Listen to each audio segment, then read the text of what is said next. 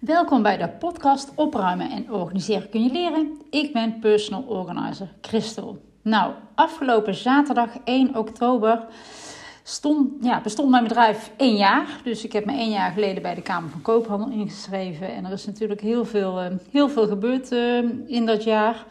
En nou, wat heel leuk is, dat dit wel een bijzondere aflevering is. Zoals jullie kunnen zien ook, duurt hij ook heel erg lang. En dan kan ook wel eens lang van stof zijn. Maar uh, in dit geval is het zo dat ik werd, uh, werd geïnterviewd door Lotte Gerland. Zij, is, uh, zij heeft ook haar eigen podcast, Watch Your Story. Waarin zij vrouwelijke ondernemers uh. Die vertellen over hun ondernemersreis, bijzondere verhalen vertellen. Dus erg leuk dat ik, uh, dat ik ook geïnterviewd ben door haar. Ik vond het super spannend natuurlijk, dat begrijpen jullie.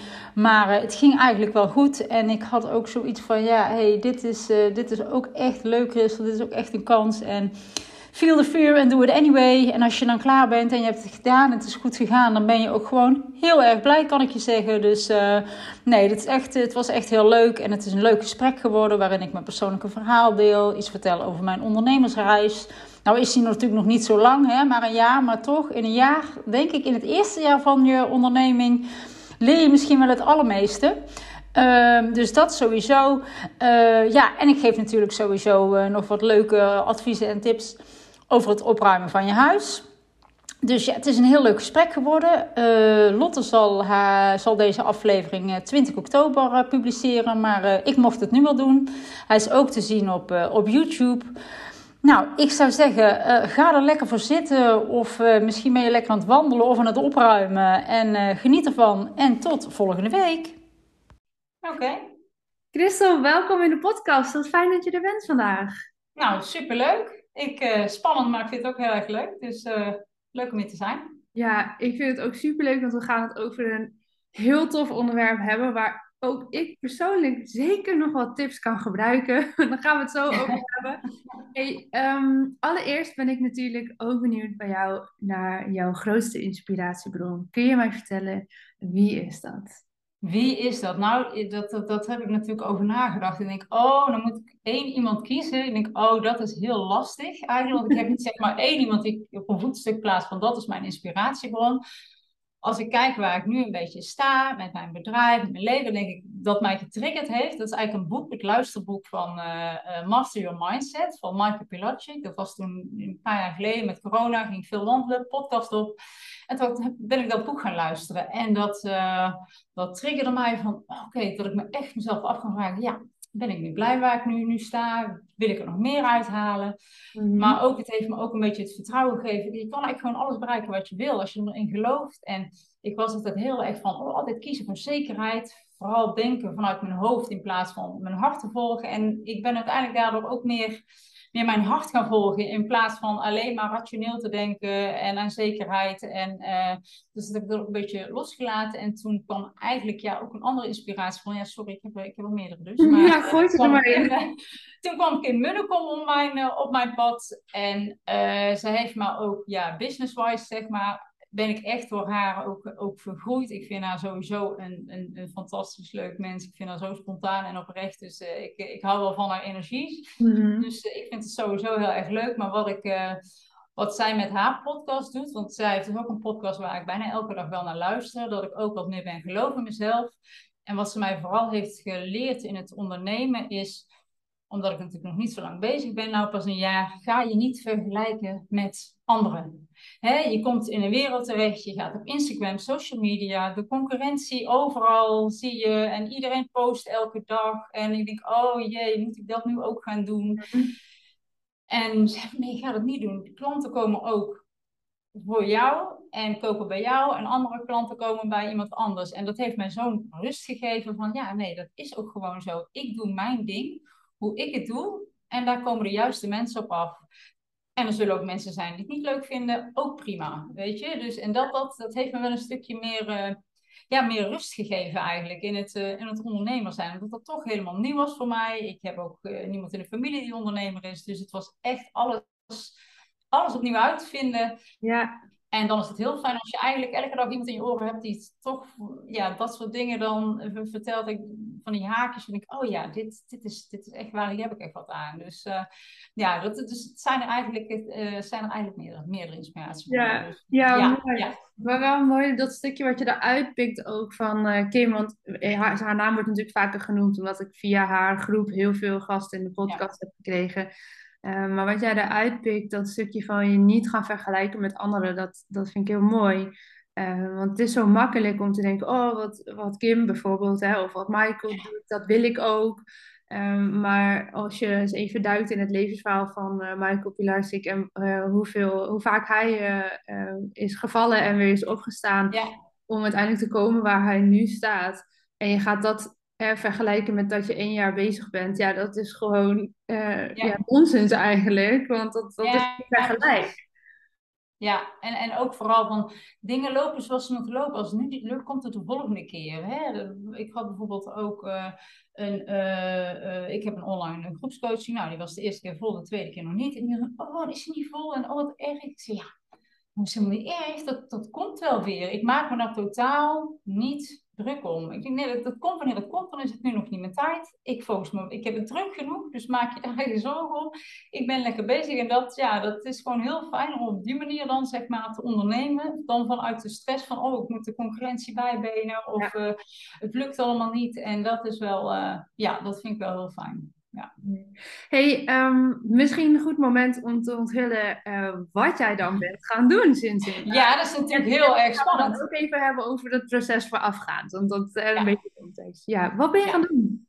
Nou, ik ben, uh, even kijken, een jaar geleden ben ik als personal organizer Crystal is mijn bedrijf gestart. Toevallig 1 oktober, dus dus echt een jaar geleden ah, ja. ingeschreven bij de Kamer van Koophandel. Nou, uh, wat is mijn missie eigenlijk, om het zo maar te zeggen, om ruimte en overzicht te creëren in huis. Zo, ja, zodat je eigenlijk meer kan genieten en ja, meer woonplezier ervaart in je, in je eigen huis. Want ik denk, ja, ja, dat zeg ik altijd, het huis moet echt de plek zijn waar je tot rust komt. Hè, ik hoor wel eens van klanten zeggen, ja, dan doe ik de deur open, dan zie ik de rommel alweer als ik thuis kom na een dag werk. En denk ik, oh, dat lijkt me echt vreselijk. Dus ik wil mensen ook wel laten ervaren hoe fijn het is als je thuis komt en het huis straalt gewoon rust uit. En natuurlijk mag je hier en daar wat rommel liggen. Maar dat is helemaal niet erg. Maar als je al thuis komt met de moed in je schoenen zakt van, oh nee, het is hier zo'n bende. Dat is gewoon niet fijn. Thuis moet je tot rust komen. Er moet een plek zijn waar je Hè, waar, je, waar, je, ja, waar je tot rust komt en waar je kan ontspannen. En als dat thuis niet kan, dan denk je, ja, waar kan dat dan? Dus mhm. dat is eigenlijk mijn, mijn missie om uh, daar mensen bij te helpen. En dat doe ik uh, voornamelijk nu uh, online. dus ik help mensen met het maken van keuzes over spullen, over hoe ze efficiënt en effectief kunnen opruimen, uh, het opbergen van spullen, spullen, hoe ze vaste, ja, logische plekken kunnen creëren in huis. En, en hoe ze het zo kunnen houden natuurlijk. Want ja, hè, dat is dat leuk dat het is, maar hoe hou je het dan zo? Dus ja. Uh, ja, dat doe ik vooral de mensen ook echt te motiveren, te inspireren en vooral te leren ook hoe ze dat, hè, dat doe ik dat vooral ook online, hoe ze dat leren, hoe ze dat zelf kunnen doen, zodat ze er ook op de lange termijn ja, plezier van hebben. Ja. Dus, uh, dat is een beetje mijn, eh, mijn missie inderdaad. Omdat, uh... Ja, nou ja, ik vind dat echt super interessant. Want volgens mij ieder huishouden heeft wel van die plekjes waar dan dingen verzameld uh, raken. Of, ja. een of een zolder waarvan je denkt, oh, ik moet toch eigenlijk echt eens een keer... Nou, dat gevoel. Um, laten we straks zeker ook uh, daarin duiken en dat je ons wat tips mee kan geven. Maar voordat doen, wil ik eigenlijk wel um, ja, wat meer horen over jouw persoonlijke verhaal. Hè? Want daarvoor zijn we hier ook vandaag. Uh, kun je ons meenemen een aantal jaren voor eigenlijk dit besluit?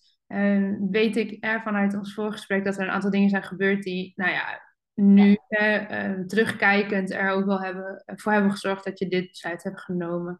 Um, kun je ons een stukje mee terugnemen in de tijd?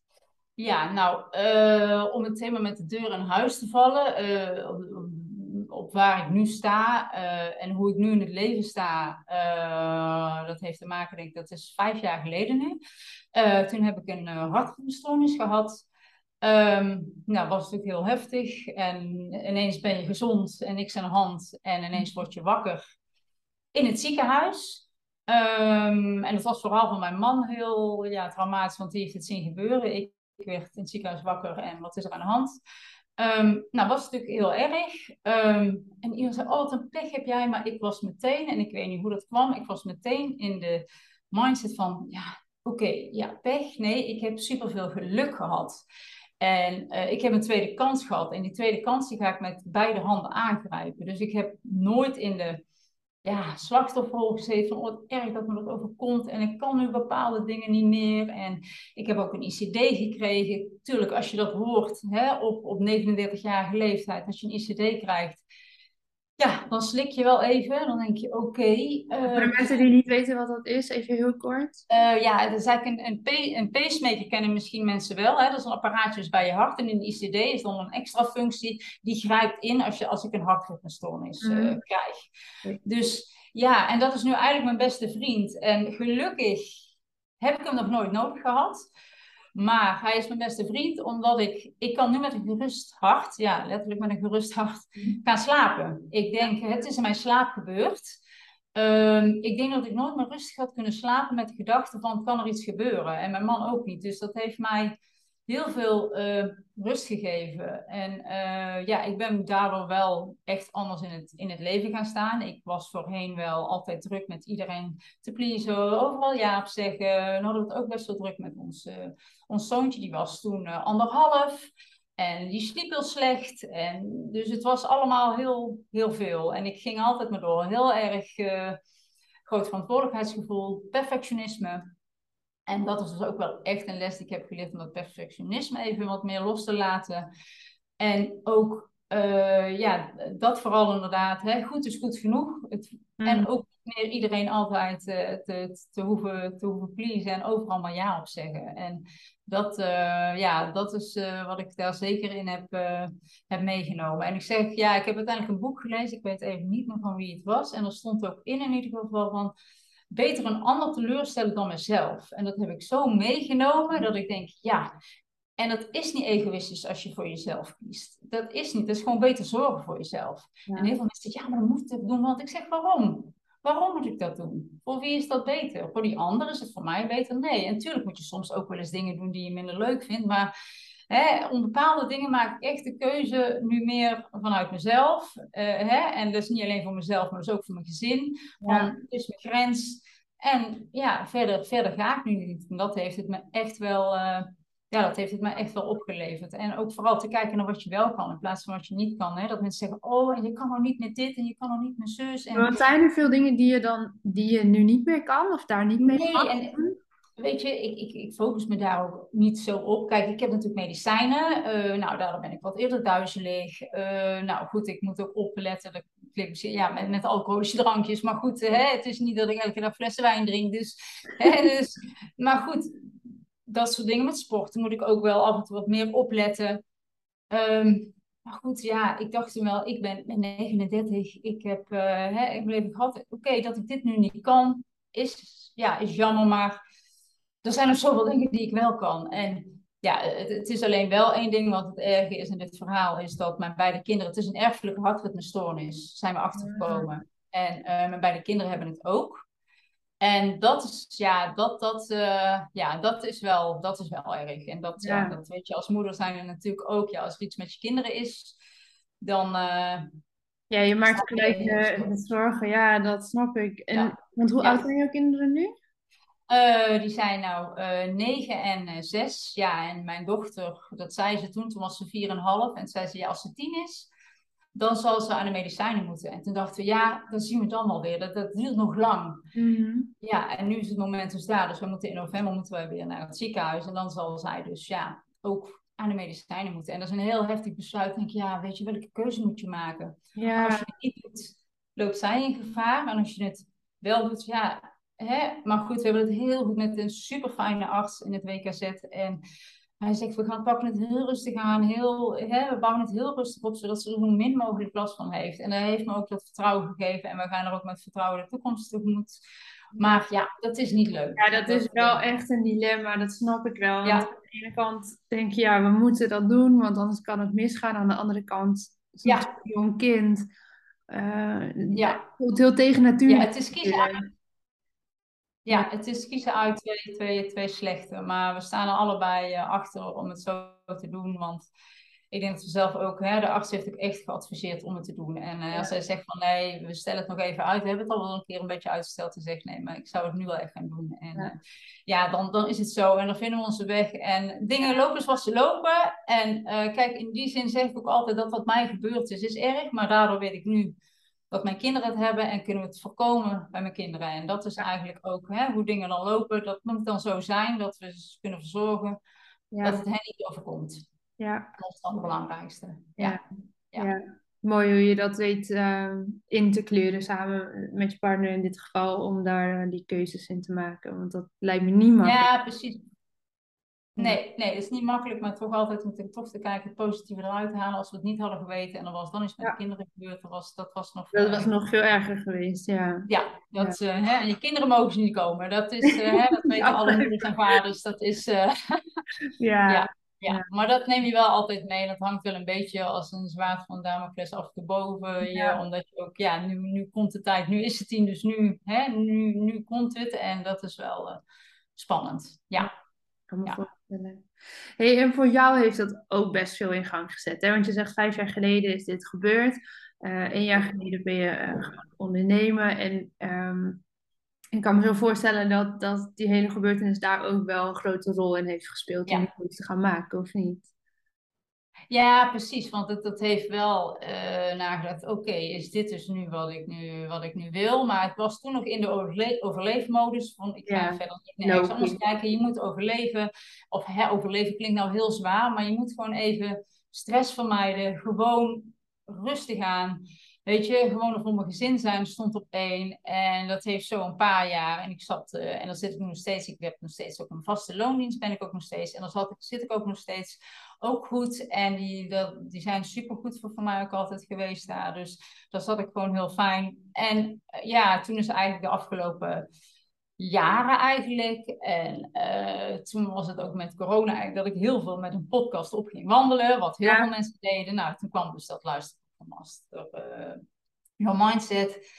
En toen ben ik daar meer over na gaan denken. En toen was het op een gegeven moment ook zo, het bedrijf waar ik nu werk, dat, dat, dat was het een beetje aan het rommelen. Dat ik denk, hmm, is dit nog wel, is het nog wel zeker uh, voor mij?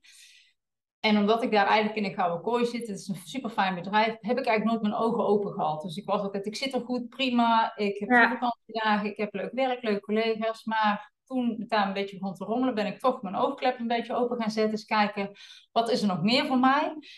En nou ja, uh, toen keek ik toevallig op LinkedIn en toen zag ik het beroep van professional organizer bijkomen, opruimcoach. Voor meerdere mensen beter bekend misschien. En toen dacht ik, dit is het. En dat, dat heeft dan zo moeten zijn dat dat dan op je pad komt. En ja, toen ja. is dat vind ik wel echt fascinerend. Hè? Je opende jouw LinkedIn, je zag dat oproepje voorbij komen en ineens dacht je, dit is het. Want in jouw loondienstbaan deed je heel iets anders, toch? Of, of heb ik dat verkeerd onthouden? Ja, ik werk bij Fontes Hogescholen en uh, ja, dat, dat doe ik iets heel anders bij de afdeling internationalisering. Dus het is totaal iets anders. Maar wat wel als rode draad door mijn leven gaat, is wel plannen, organiseren, structureren. Ja, dat loopt wel. Dat heb ik altijd zoiets willig, maar ik wist nooit, ja, wat ga ik dan doen? Nee, ik ga geen evenementen meer organiseren. Doe ik nou op mijn werk nog wel een beetje. En dat vind ik ook superleuk. Maar ja, wat, ik wil echt niet meer bij een evenementenbureau werken. Maar wat is er dan wel? Nou ja, toen kwam dit beroep, maar ik zag meteen, oh jee, dan moet je zelfstandig gaan doen als ondernemer. Ja, ik heb altijd gezegd, ja, daar, dat ga ik niet doen. Dat durf ik niet. En toen dacht ik, nee, is, je hebt dat boek geluisterd, volg je hart. Ga nou niet weer je hoofd volgen, kies voor zekerheid. Als dit is wat bij jou hoort, dan komt dat gewoon goed. En, hè, en dat is ook heel fijn. Ik doe nog mijn, mijn baan in loon, dus heb ik er nog gewoon naast. En ik doe dit er nu naast. En het ook wel steeds groter en steeds meer.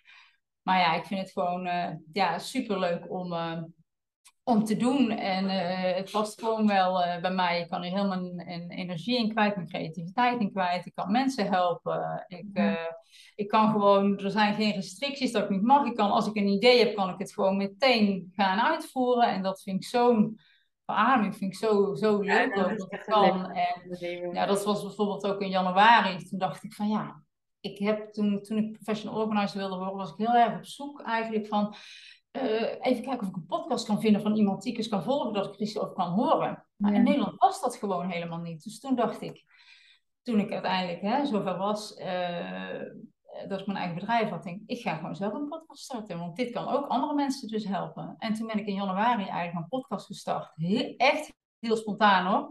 Opruimen en organiseren kun je leren. Ik had het zo opgenomen. En ja, hoe welke naam ga ik het geven? Ja, ja, doe me opruimen en organiseren kun je leren. Echt zo ging het. Gewoon niet dat ik daar lang over na heb gedacht. Met niemand over Goed. En erop gezet. En uh, toen dacht ik, nou nee, dat ga ik dan gewoon één keer in de week doen. En we zien het wel. Ik vind het gewoon leuk. En uh, ik, ik, kan gewoon lekker kletsen. En uh, laat mij mijn ding maar doen. En ik zie bij het Schipstrand. Want je hoort heel vaak, hè, een podcast, ja, is heel moeilijk om aan mensen te komen. En dat wordt vaak niet beluisterd. Hè. Maar goed, in die zin had ik denk ik dan toch een gat in de markt. En ja, ik heb er nu al 41 afleveringen. En uh, ja, er is al meer dan 16.000 keer beluisterd. Dus uh, dan is het toch wel. Uh, ja, dat is toch wel aan. En ja. vooral als ik ook berichtjes voor van mensen. En daar doe je het ook voor. Oh, ik ben echt geïnspireerd. En je zet me echt aan tot opruimen. En ik ben al begonnen in huis. Ja, dat, ja, dat, is, dat is superleuk. Dat is ja. echt. Dat is ook wel echt leuk als je dan ondernemer bent en je hebt dat soort dingen bereikt. Ja. ja, en als je dat dan terugkrijgt, hè, dat is, ja, dat is superleuk. En dan zul jij hetzelfde hebben natuurlijk. Dus, ja. ja, want je zegt, dat je krijgt dan berichtjes terug van, nou, eh, ik ben al begonnen en uh, super fijn. Uh, wat zijn dingen, eh, problemen waar, waar mensen met wie jij mag werken of die naar jouw podcast luisteren, waar ze tegenaan lopen? nou, heel veel mensen zeggen, ik kan niks wegdoen. Oh, ik, ik, nee, ik kan niks wegdoen. En hè, dat, daardoor hebben ze heel veel spullen, geen overzicht meer. Hè, bij de klanten, toen ik nog, ik begon bij mensen aan huis uh, ben ik mhm. begonnen. Uh, en nu doe ik alleen nog maar online. Maar de, overzicht uh, waren ze kwijt. Ze kunnen niks vinden. Hè? Dat komt ook omdat ze geen vaste plek hadden voor spullen in huis. Hè? Of ze ruimen het op. En het is later weer een bende. Dus, um, en wat ook een dingetje is, geen motivatie. Geen motivatie om te, te starten. En uh, waardoor ze uiteindelijk in een rommelig huis wonen. Wat onrust, stress en ja, gespannen zijn. En uh, ja, wat ik dan doe, en dat is vaak ook wel grappig als ik al bij de intake ben geweest, nu ook online, als ik een intake heb gehad en dan heb ik de volgende gesprek. En dan is het van, ja, ik ben al begonnen. En dat is altijd standaard. Uh, als ik, al heb ik al mijn gesprek gehad met mensen, ja, ik ben al begonnen, ik heb er helemaal zin in om te beginnen. En dat is niet zozeer om mij, maar gewoon, ze hebben een stok achter de deur. Ja. Van iemand die van, oh, nou komt Christel, dus nu moet ik aan de gang. En we hebben dit afgesproken, dit ga ik nu doen. Ja. En zo, ja, dit werkt voor mensen ook heel vaak, omdat dat, dat net hetgeen is wat ze, wat ze nodig hebben. En sommige en mensen waar, hebben alleen. Waar begin je dan? Waar begin je dan? Nou ja, waar, waar, waar, begin je dan? Waar begin je in huis bedoel je? Of, ja, precies. Met... Als ik denk, nou oké, okay, ik kijk zo een beetje rond in mijn huis en ik verschillende ruimtes en de een is netter dan de ander als ik nou denk van oké, ja, nou, ik, Chris heeft wel een punt. Ik zou er nog eens even wat beter moeten gaan opruimen. En dat geeft misschien ook wel meer rust. Maar waar begin ik? Ja, nou, ja, waar begin je nou? Het belangrijkste is om te beginnen eigenlijk op een plek waar je vaak bent. Mhm. En waar je eigenlijk het meest aan ergert. Want als je op een plek begint op de zolder en jij gaat daar opruimen en je zit s s'avonds weer beneden op de bank, zie jij geen resultaat. Ja. Daar heb je niet zo snel plezier van. Dus begin altijd op een plek waar jij je het meeste aan ergert, of waar je het vaakste bent. Dus ook waar jij het meeste van geniet als het is opgeruimd. Ja. En bijvoorbeeld de keuken is ook heel belangrijk, hè, vind ik altijd. Als het aardig schoon is en opgeruimd en dat het niet helemaal vol staat. Ik heb pas ergens gelezen dat de keuken ook de katalysator kan zijn voor de rest van de rommel in huis. Dus als jouw keuken is opgeruimd, mm. of als, eigenlijk als je keuken een rommel is, is de kans groot dat er op andere plekken in huis ook rommel is. Dus als je keuken rommelig is, dan start je daar. En ja, ik vind altijd, ook altijd voordat ik naar bed ga, altijd de, de, het aanhangblad moet sowieso opgeruimd zijn. Niks in de, in de gootsteen. Maar goed, dat zijn de kleine uh, rommelingen die er zijn. Maar goed, je komt ook vaak in keukens waar alles, hè, pakken post die binnenkomen, wordt op de keuken gelegd. De sleutels, alles, alles belandt vaak in een keuken. Omdat het ook een actieve plek is waar mensen heel veel komen. Dus het is heel makkelijk om het daar neer te leggen. En dan moet je gaan kijken, oké, prima als je het daar neerlegt, maar dan kunnen we misschien wel een leuke manier vinden om te kijken, van kunnen we het in een la leggen, daaronder waar je het neerlegt. Of zetten we een leuk bakje neer voor de sleutels. Dat ziet er dan al heel anders uit en minder rommelig. Dus, uh, maar ja, als je kijkt waar moet ik beginnen, begin op een plek waar jij ja, het vaakste komt, waar je dus ook het meeste plezier van hebt als je dat hebt opgeruimd. En begin ook vooral klein, want sommige mensen hebben een hele huis is heel overweldigend. En dan zeg ik, weet je, elk, al begin je met één kastje en heb je een uur, begin gewoon. En dan is ja, maar ik wil, nee, ik begin gewoon. Elk klein kastje zeg ik altijd, elke lade, elke kast, elke ruimte is er één. En zo kom je dichter bij je opgeruimde huis. Ja. Dus, uh, ja, want wat ik ook mooi zei in het begin van het gesprek, uh, zei hij van, ja, dan komt iemand binnen hè, thuis naar zijn werk en dan is het gelijk een soort van overwhelm van rommel. En um, waar ik toen aan moest denken was eigenlijk een soort van de gang hè, of het halletje waar je binnenkomt, wat vaak rommelig is. En wij, wij doen niet thuis ons best, omdat elke keer dan er de schoenen in de bak, de jas aan, de kapstok. En toch is dat een plek die echt makkelijk rommelig wordt. Of de kinderwagen staat er nog, of er ligt een tas, of een natte jas, of schoentjes, of sokken. Ehm, wat zou je daar uh, aanraden? Want wij hebben een kapstok, we hebben van die schoenenbakken. En toch is dat makkelijk een rommelig plekje. En ik denk dat dat bij veel mensen zo is. Ja, nou wat ik, ik had dus pas een klant zei, en dan kom ik dus binnen en dan liggen daar inderdaad de schoenen en dan liggen er allemaal die jassen. En dan zeg ik, ja, welke jassen hangen er dan? Ja, winterjassen, zomerjassen. Ik zeg, ja, oh, kijk. Weet je, sommige mensen hangen daar ook alles neer, ook spullen en dingen, ook schoenen, die ze op dit moment niet, niet dragen. Dus als jij echt minder rommel wil, het eerste ding is dan om echt minder spullen te hebben op die plek. En um, dus hè, aan je kapstok hang dan niet je winter en je zomer en hangen alleen de seizoensjassen. En als je een groot, want zij kwam uit een groot gezin. Dus ik zeg, ja, als, daar, als je daar met z'n vijven bent en ieder hangt daar uh, vier jassen neer, ja, dan is het snel. Hè? Maar spreek af, ieder zet het max twee paar schoenen neer en ieder hangt er twee jassen neer. Ja, maar ze dragen ze allemaal. Ja, maar kijk, je moet ook gaan kijken als je naar de oplossing wil zoeken. Hè, kun je ook denken, ja, maar, ja, maar, ja, en je wil verandering. Dus dan moet je misschien in sommige gevallen ja, ook wat, wat meer moeite doen om te kijken van nou, welke jassen draag ik nu echt? Dat zijn deze. Ja, oké. En als ik dan een keer die andere wil dragen, die ik niet weet, ja, dan moet ik misschien toch even naar boven lopen, want dan heb ik hem daar hangen. Want dat is dus, dat zie ik in de hal inderdaad. Alles wordt daar, ja, maar ook alles. En ook alles wat je, wat je niet draagt. En ook de ja. schoenen die je nog niet draagt, worden daar, uh, worden daar neergezet. En maak het jezelf ook, uh, uh, ook, ook makkelijk. Want je kan inderdaad allemaal hele, hè, een, een, rek hebben waar je de schoenen allemaal in moet zetten. Maar soms is het voor kinderen, die doen de schoenen uit en die gooien ze neer. En waarom? Ik heb, ja, je ziet het nu niet, maar ik heb bijvoorbeeld een, een mand. Dat heb ik hier voor de deur gezet, heb ik ook een keer een reel over gemaakt. Een mand waar de slippers in kunnen leggen. Zodat die slippers niet allemaal voor de deur lagen. Want dat was altijd een drama. En die mand, daar gooien ze het gewoon in. Dus kijk ook wat bij je past. Mensen willen soms, hè, die zien allemaal series op Netflix over de home edit bijvoorbeeld. Ja. Helemaal perfect georganiseerd. Oh, ja, dat wil ik ook. Ik zeg, oh ja, ja, dat wil ik ook. En dan denk je, oh, dat, dat ziet er echt fantastisch uit. Maar uh, en je kan dat natuurlijk ook realiseren. En dan ga je de boodschappen doen en dan heb je dat alles. Maar ik zeg, ja, maar het moment dat je een bakje yoghurt met fruit hebt gemaakt en, uh, dan, moet die, en, dan is het verpest.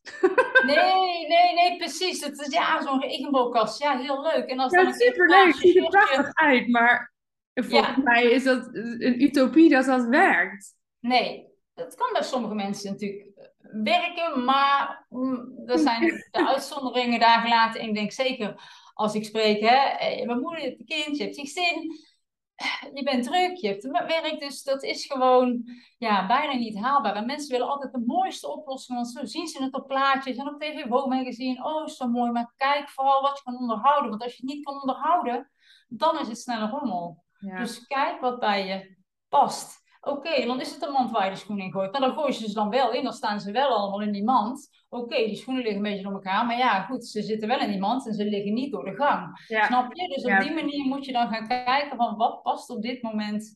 Hè? En als je met z'n tweeën bent, als je geen kinderen hebt, en dan kun je dat misschien gewoon wel, dan trek je dat werk soms beter. Maar ja, met kinderen is het gewoon, ja, hè, ja, zelf ook. Die... Mand. Ja, die mand vind ik een goeie. Daar, uh, die gaan we ook regelen hier. Ja. Nou, nog, nog zo jong dat we het toch zelf opruimen, maar dat duurt niet lang meer voordat ze dat uh, kan en gaat doen. Ja. Ja. Hey, um, wat, uh, ja, wat ik wel mooi vind, jij zegt, hè, je moet kijken van, kan je de, de, dan misschien jassen boven hangen of uh, keuzes maken en wat nou ja, voor het grijpen ligt en wat niet. Maar um, mijn kledingkast bijvoorbeeld, hè, daar heb ik ook wel dingen in waar je dan keuzes maakt. Ja, wat hou ik eigenlijk nog en, en wat mhm. kan er wel weg? Um, maar wat ja, wat ik soms best lastig vind, dan denk ik, oh ja, nou ja, dat, ik vind het eigenlijk nog wel een mooi kledingstuk. En dat kan misschien ook met boeken of zo zijn, hè. Ehm, maar ja, het is nu misschien niet helemaal in de mode, maar misschien over twee jaar wel weer. Ga ik het bewaren of niet? Of eh, ik pas Ja. het niet, eh, ik ben net zwanger geweest, bewijzen van, maar misschien later wel weer. Nou, wikken, wegen, verkopen. Ja, nou ja, ik kan er misschien nog een keer Mm. 5 euro voor krijgen of zo. Nou, al dat Ja. soort afwegingen. Ik denk eh, ons vrouwen niet onbekend als je voor je kledingkast staat. Ehm, Ja. Hoe bepaal ik nou of ik iets hou of het wegdoe? Ja, hoe bepaal je dat nou? Nou, mooi wat je net al zegt, inderdaad, dat onderwerp over spullen die je ooit nodig hebt, dat is ook echt een lastige, lastige categorie bij, bij, veel, ja, bij veel dames. En deze klanten die ik heb zijn eigenlijk allemaal vrouwen. Want denk jij, heb ik ooit nodig? Nou, ik kan, ik kan je verklappen, ooit is in veel gevallen nooit. dus, eh, en als je inderdaad het jurkje en je bent eh, zoveel afgevallen en je wacht tot je jurkje weer aankomt. Nou, als je zoveel bent afgevallen, dan heb je ook wel een nieuw jurkje verdiend. Ik zeg het dan altijd maar. Maar wat je zelf, ehm, er zijn eigenlijk drie basisvragen die je zelf kan stellen.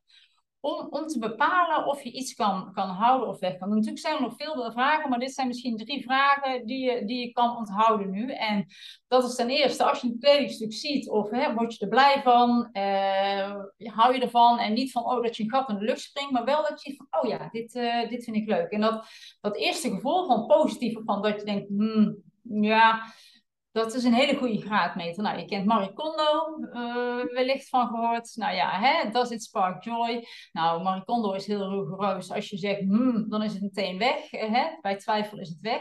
Maar dat is wel, hè, ik, ik ben het niet altijd helemaal eens hoe zij het aanpakt of eens. Ik doe het niet zoals zij het altijd doet, maar dit neem ik wel van aan mee. Want het is wel zo, als jij uh, iets pakt en je denkt, hmm, misschien ga ik het ooit nog dragen. Nou, als je er niet echt blij van wordt, dan gaat het ook vaak niet gebeuren. Zo had ik een klant en die had een, uh, een heel duur blouseje. Ja, dat was zo duur en een merk en ik kan het niet wegdoen. En oh, als ik ooit een feestje heb. Ik zeg, oké, dus als jij volgende week een feestje hebt, doe je dit blouseje aan. En ze kijkt, nee, nee, nee, dat ga ik niet aan. Nee. En toen zei ze, oh ja, inderdaad, ja, je hebt gelijk. Ja, nee.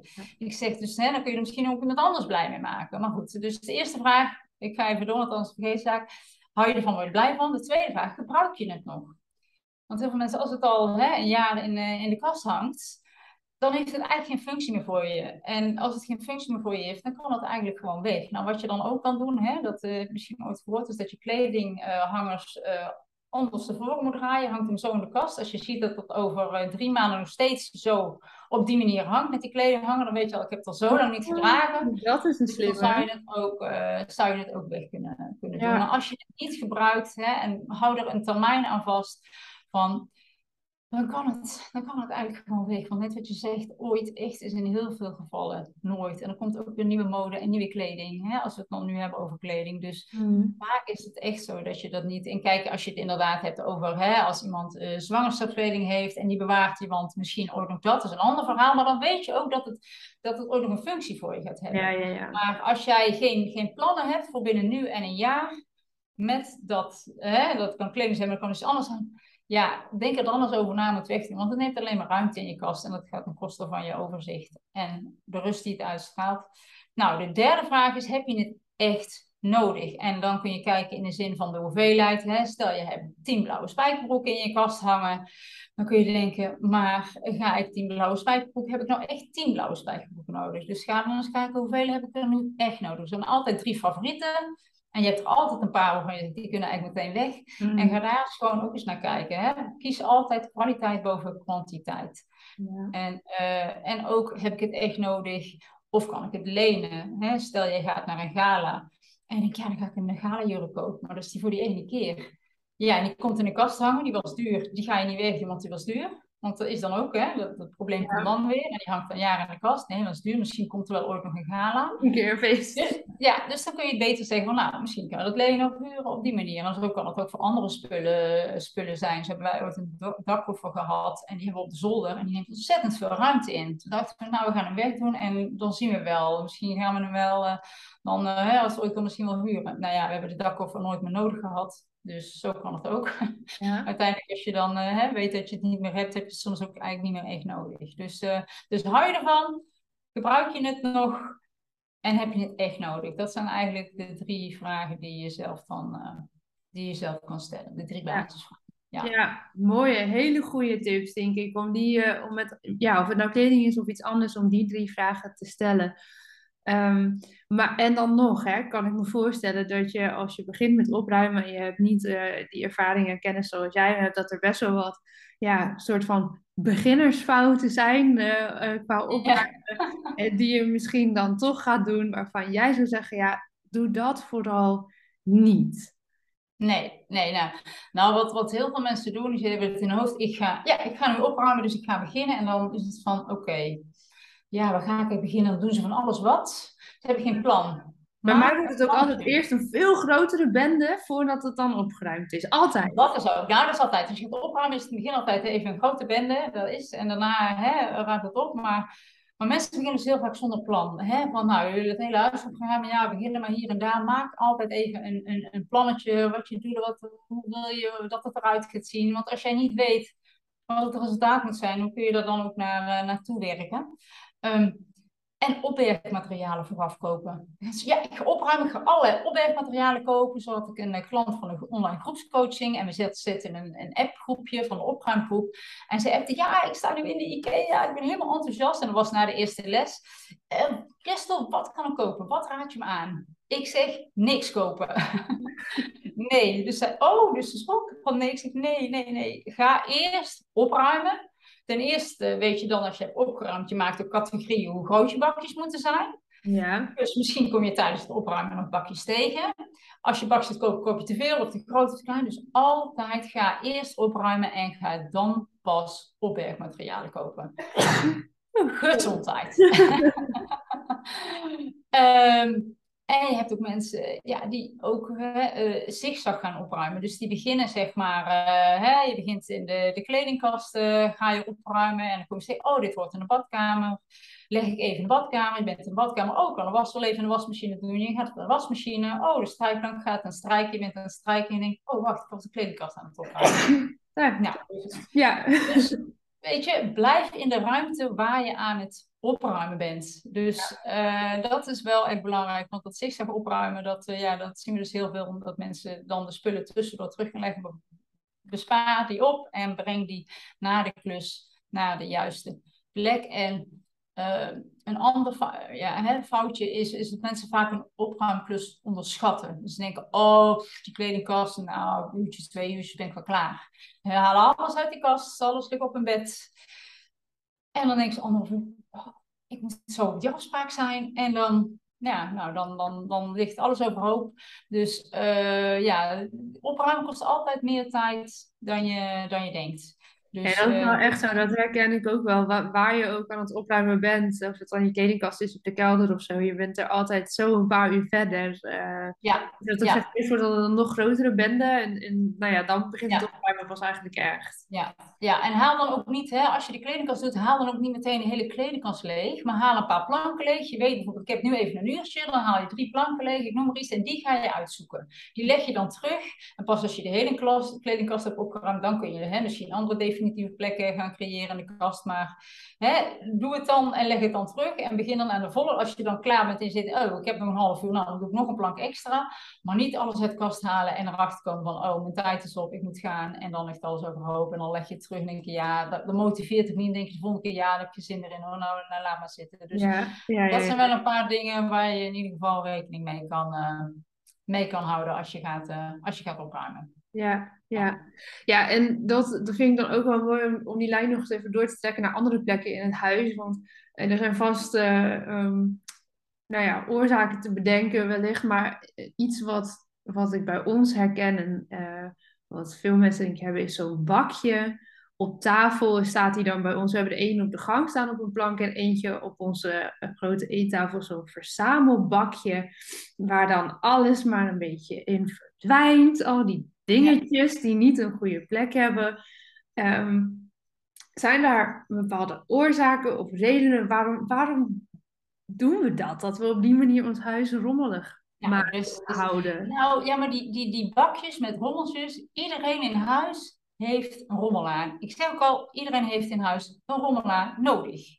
Dus er is niks mis met een rommelaartje, maar het moet geen rommel worden over je hele huis.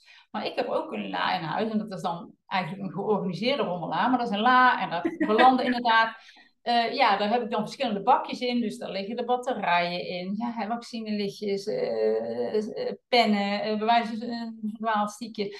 Dus ja. iedereen kan wel gewoon, dat is helemaal niks mis mee. Als jij gewoon weet in die la met je kind een, een rommelaar, kun je ook best wel wat netter organiseren. Zodat je, als je dan ook ineens die batterijen nodig hebt, niet helemaal in die bak moet kijken, waar moet ik die vinden, die kan ik daar zo uithalen. Maar iedereen heeft een plek waar die even snel even die, die rommeldingetjes, zoals je het zegt, wel kan, uh, kan, uh, kan gebruiken. Kijk, en wat hè, over het algemeen, wat, wat de oorzaken zijn van een rommelig huis, is dat mensen ja, te veel spullen hebben. Dus ze houden ook te veel spullen. Uh, houden te veel spullen die ze niet gebruiken.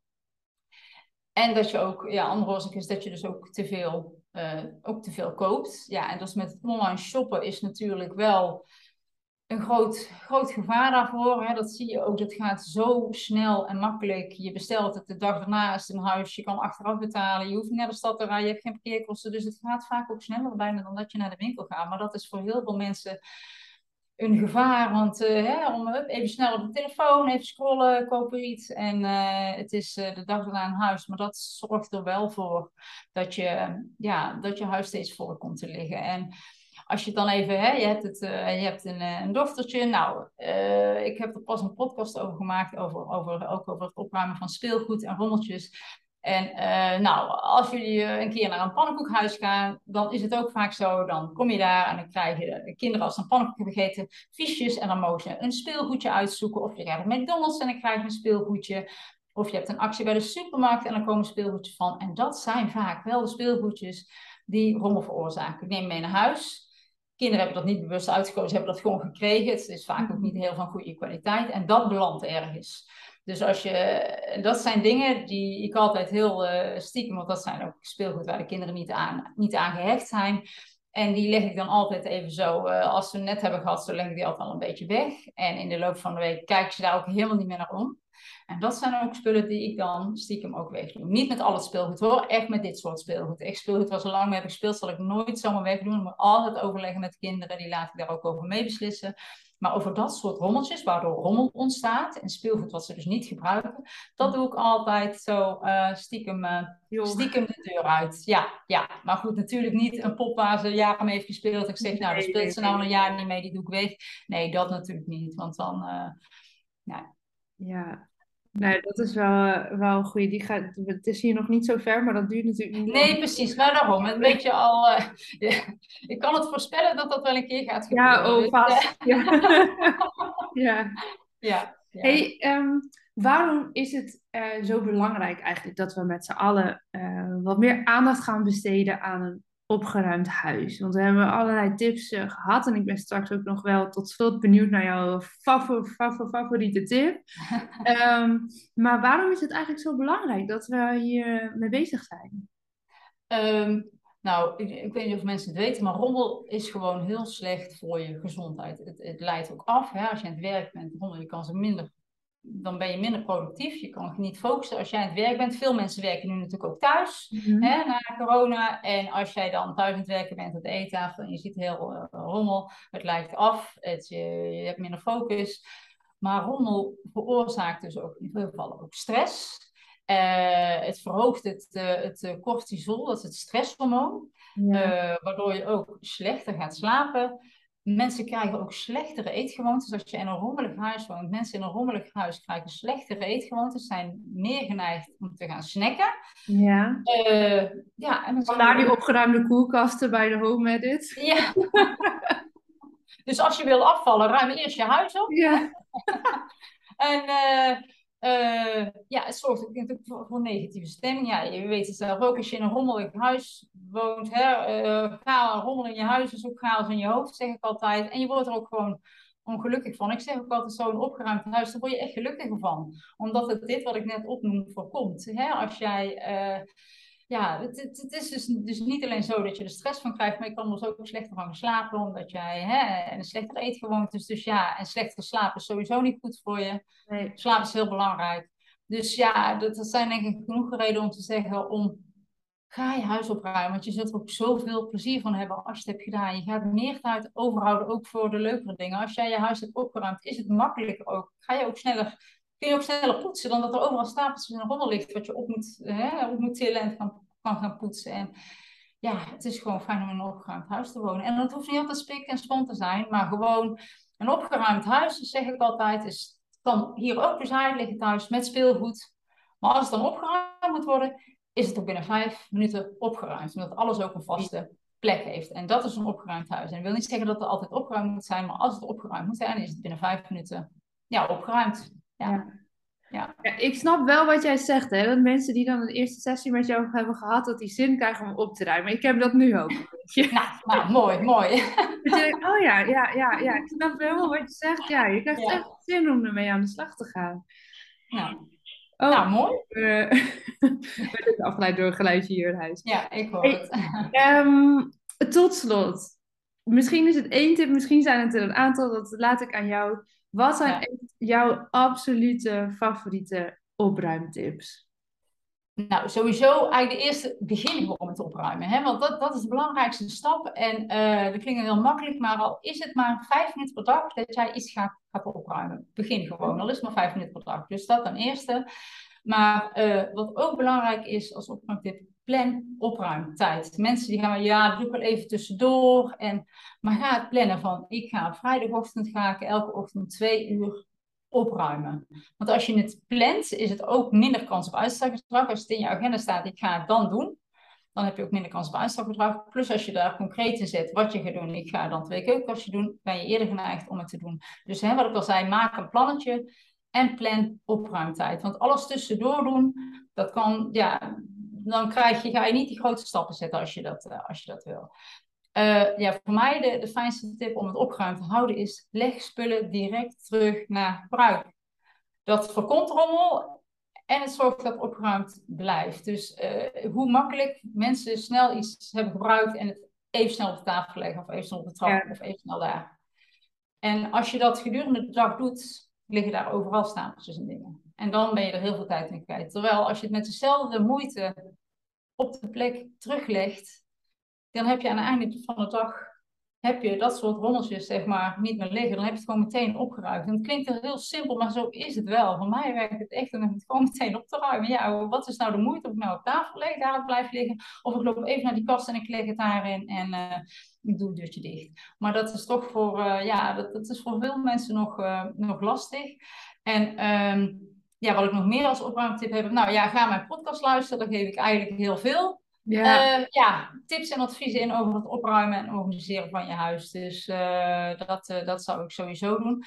Maar ja, dit zijn voor mij dan even jouw podcast nog één keer herhalen? Je hebt hem al even genoemd. Ja. Maar hoe vinden mensen jouw podcast? Als ze dat opruimen en organiseren kun je leren. Dus op Spotify ja. en op Apple Podcast. En je kan de podcast ook terugkijken. Ik heb ook een YouTube kanaal. Dus een organizer Crystal. Je kan me ook nog volgen op Instagram. Dus Facebook. TikTok. Nou, mogelijkheden genoeg om, eh, om het te volgen in ieder geval. Dus uh, ja.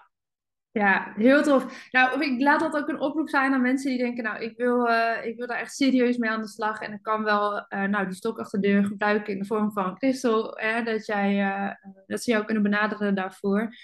Um, ja, ik heb in ieder geval heel veel zin om te gaan opruimen. Dus ik ga dat maar dus in mijn agenda inplannen. Want uh, ja, ik kan nu spontaan mijn hele kast gaan leegtrekken. Maar dan gaat het dus precies gebeuren dat ik daar niet voldoende tijd voor heb vandaag. Uh, dus nee, dat is wel een tip die ik uh, goed ja. kan houden. En um, ja, ik wil je vooral heel erg bedanken, want je hebt echt mega veel waardevolle tips gegeven volgens mij om te starten in ieder geval met opruimen. En uh, voor iedereen die meer wil, ga naar de podcast. En als je nog meer wil, dan kunnen ze jou uh, benaderen om samen aan de slag te gaan, zou ik zeggen. Ja, nou ja, jij Lotte, bedankt uh, voor jouw tijd en hè, ja. voor je podium. Dus echt super bedankt. Ik vond het heel leuk, ik vond het spannend, maar ik vond het echt super leuk om om te doen. En fijn dat je wat uh, tips hebt gehad en adviezen waar je iets mee kan. Dus, nou, uh, ik zeker. Dus ik verwacht degene die ja. ook Ja. Dankjewel. Oké. Okay. Ja, tot ziens.